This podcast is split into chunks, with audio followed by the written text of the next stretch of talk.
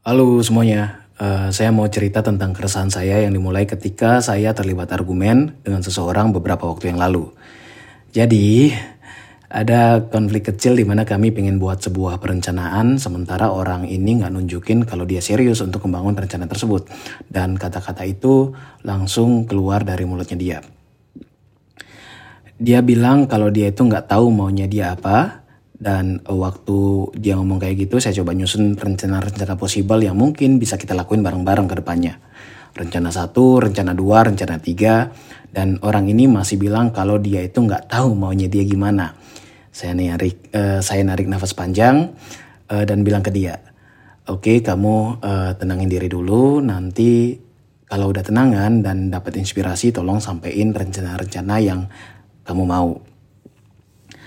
Beberapa hari ditunggu sampai berminggu-minggu dan akhirnya dia bilang kalau dia masih nggak tahu dia ini kenapa. Ya cukup membingungkan, uh, tapi mungkin kondisi kayak gini juga kejadian di teman-teman juga dalam perihal bikin bisnis bareng partner, bikin proyekan bareng. Uh, di saat kita lagi nentuin rencana jangka panjang mau dibawa ke mana nih bisnisnya, mau profit seberapa banyak, mau dibawa ke mana proyeknya, ekspansinya bakal ke mana dan lain-lain. Nah masalah uh, kayak gini, barat kita lagi pengen pergi ke sebuah uh, tempat, sebuah tujuan, terus kita terus kita uh, nemuin rintangan di tengah jalan. Nah, rintangan rintangan itu bisa macam-macam, ada jurang, ada jembatan putus, uh, apalagi ya rintangan api neraka gitu misalnya, uh, invasi budaya asing gitu, ya kan rintangan juga kan. Uh, tapi partner bisnis kita yang dari awal kita ajak uh, untuk capai jalan itu tiba-tiba ngilang gitu aja. Sementara kita kan harus melangkah buat sampai ke tempat yang kita rencanain sebelumnya. Dan uh, di saat partner itu ngomong kalau dia nggak tahu dia kenapa dan dia nggak tahu juga maunya dia apa, buat saya itu adalah jawaban yang menghindar dan kalau ini dibiarin uh, lama kelamaan kayak gitu uh, bisa aja dia sedang dalam tahap ngebohongin diri sendiri. Karena paling nggak kita tahu apa yang kita mau, apa yang jadi tujuan kita, walaupun ya kadang-kadang masih abu-abu kan, uh, dan kita sendiri yang ngejalanin hidup kita gitu. Uh, cuman ini jadi hal yang ini ya, mungkin beberapa orang juga ngalamin ketika proses pencarian jati diri. Tapi itu masalahnya kan ke diri sendiri, nggak ngelibatin orang lain. Beda konteks sih. Uh, tapi kalau dihadapkan situasi kayak gini, saya ingat uh, sebuah konsep yang namanya jendela johari, di mana konsep ini, teknik ini cukup ngebantu saya buat ngenalin diri sendiri dalam beberapa tahun terakhir ketika saya dalam proses pencarian saya sebenarnya siapa. Walaupun saya nggak tahu sepenuhnya sekarang saya ini sebenarnya siapa dan masih terus mencari, masih terus mencari. Mungkin uh, jendela johari ini juga bisa bermanfaat buat teman-teman uh, gimana mulainya ya? Jadi uh, ada dua psikolog nih, dua psikolog Amerika namanya Joseph Luft sama Harrington Ingham. Bikin teknik buat ngebantu orang biar bisa ngertiin diri sendiri bahkan ngejalin hubungan yang lebih baik dengan orang lain. Nah, teknik ini namanya jendela Johari atau Johari Window yang diambil dari singkatan nama mereka, Joseph dan Harrington. Joseph uh, Harrington jadi Johari gitu. Uh, dari diagram Johari window ini dibagi jadi empat persis kayak kita lagi gambar jendela sederhana, dua di atas, dua di bawah gitu. Jadi kayak ada empat kuadran untuk kenalin diri kita dari yang kita kenali, tidak kita tidak kita kenali, orang lain kenali dan yang orang lain itu nggak uh, kenali terhadap diri kita. Uh, kita mulai dari kuadran satu dulu ya. Di kuadran satu itu namanya open atau free area di mana kita sendiri tahu tentang diri kita dan orang lain juga tahu apa yang kita maksud tentang diri kita itu.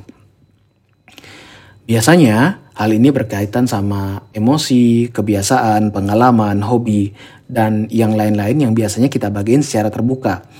Eh, kita baginya secara macam-macam bisa lewat curhat misalnya atau bahkan hal yang hampir setiap hari dilakuin sama orang-orang share kegiatan daily activity itu di medsos, di Instastory, postingan Instagram, atau nge-tweet atau bikin uh, album foto di Facebook kita lagi ada di mana liburan ke mana dan lain-lain.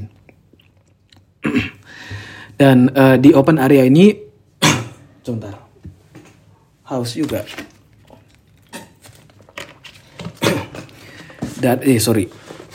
Dan uh, di open area ini bakal ngebantu kita buat ngejelasin segala kebingungan dan meminimalisir uh, ketidakjelasan karena kita dan orang lain sama-sama tahu tentang diri masing-masing. Dan pastinya akan mempermudah satu sama lain buat mentoleransikan segala kekurangan yang kita miliki.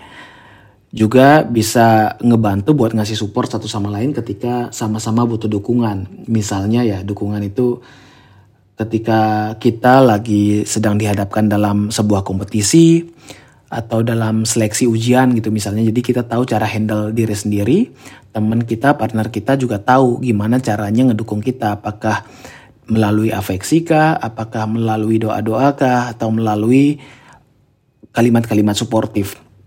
Kan orang-orang beda nih uh, ininya apa love language-nya lah bisa dibilang gitu. Uh, itu mungkin di kuadran satu, di kuadran dua itu namanya blind area atau area buta. Kondisi ini terjadi ketika kita nggak tahu tentang diri kita sendiri, sementara orang lain atau kebanyakan orang punya pandangan tersendiri terhadap diri kita. Kondisi ini cukup bahaya kalau kita orangnya denial atau nggak mau terbuka sama sekali dengan segala masukan karena orang lain atau bahkan sahabat kita sendiri cukup sulit buat ngungkapin uh, ke kita karena kita orangnya sensitif, nggak mau nerima masukan dan ngerasa diri paling benar. Uh, kita ambil contoh ya misalnya apa dalam disiplin waktu gitu. Uh, contoh paling nyata di kerja kerja kelompok deh dalam ngerjain tugas. Contoh kita sering telat uh, datang buat kerja kelompok, uh, telatnya itu nggak seberapa mungkin buat buat seberapa uh, buat beberapa orang ya 5 sampai 10 menit. Tapi kalau uh, sering banget dilakuin sama orang, buat orang yang uh, cukup disiplin uh, dengan waktu, hal ini bakal jadi perkara yang sangat besar. Uh, karena kita pun nggak tahu atau bahkan nggak mau tahu seberapa orang itu atau partner kita udah berusaha biar kerjaannya selesai tepat waktu dan seefisien mungkin buat nyelesain kerjaannya. Sementara kita jadi orang yang ngegampangin masalah. Kalau didiemin, hal ini bakal jadi bom waktu yang suatu hari bakal meledak gitu. Karena teman kita atau partner kita pasangan kita udah mencoba mentoleransikan segala hal-hal negatif yang ada di dalam diri kita segala kebiasaan-kebiasaan buruk kita tapi kita e, ibaratnya nggak mau ngertiin kondisi teman kita itu. Kita masih menganggap apa yang kita lakukan itu benar dan sah-sah saja ya cara buat ngatasinya yang saya bilang tadi jadi orang yang nggak sensian misalnya uh, mau menerima masukan karena orang itu punya pandangannya tersendiri loh terhadap diri kita dan bisa aja kebiasaan yang kita anggap paling benar itu jadi ngerugiin kita sendiri di suatu saat nanti. Uh, lanjut ke kuadran 3 namanya uh, hidden area atau area tersembunyi. Dalam kondisi ini kita tahu tentang diri kita sementara orang lain nggak tahu apa yang sebenarnya terjadi karena hal itu kita sembunyiin dari mereka. Makanya namanya hidden area. Jadi eh, hal-hal uh, yang termasuk di hidden area ini kayak apa ya? Kayak rahasia bisa dibilang atau fobia, ketakutan terhadap sesuatu atau bahkan ya yang umum terjadi di setiap orang itu kayak perasaan yang ingin kita ungkapin ke seseorang tapi nggak pernah kesampaian kan wajar itu. Nah, e, ketika teman-teman mau terbuka, e, ter mau terbuka terhadap perasaan teman-teman sendiri, kondisi ini butuh kehati-hatian yang ekstra karena nggak semua orang lo bakal nerima respon yang sama dari apa yang kita ekspektasikan.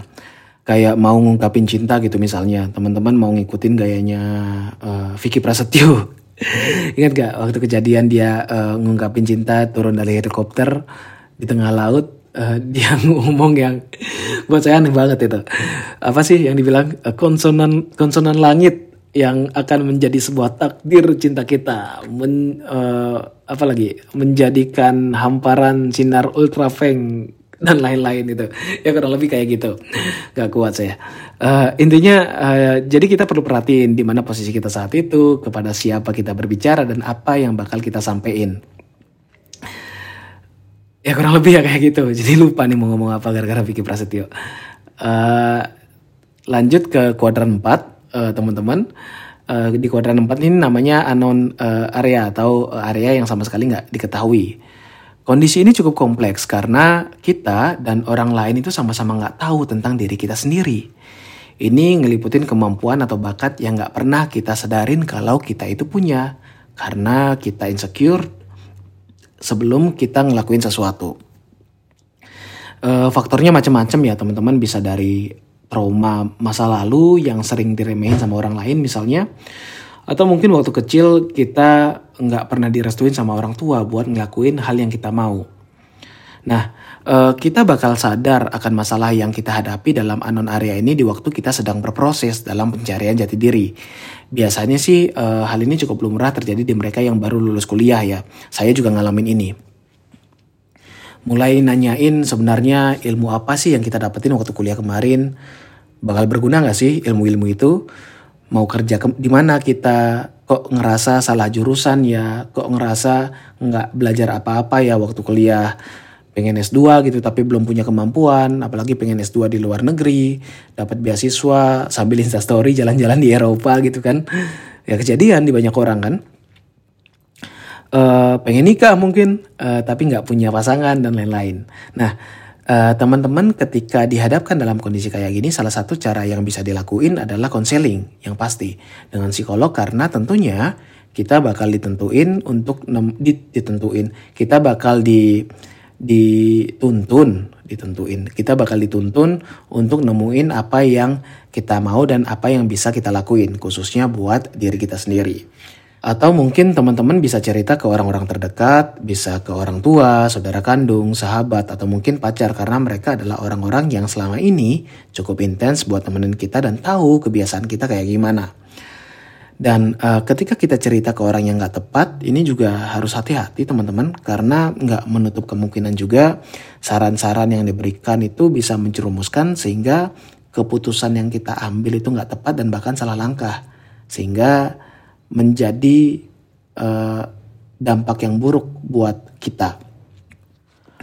Oke, kayaknya itu aja yang bisa saya sampaikan dari keresahan-keresahan saya. Semoga kita bisa mengenali diri kita masing-masing dan selamat berkenalan.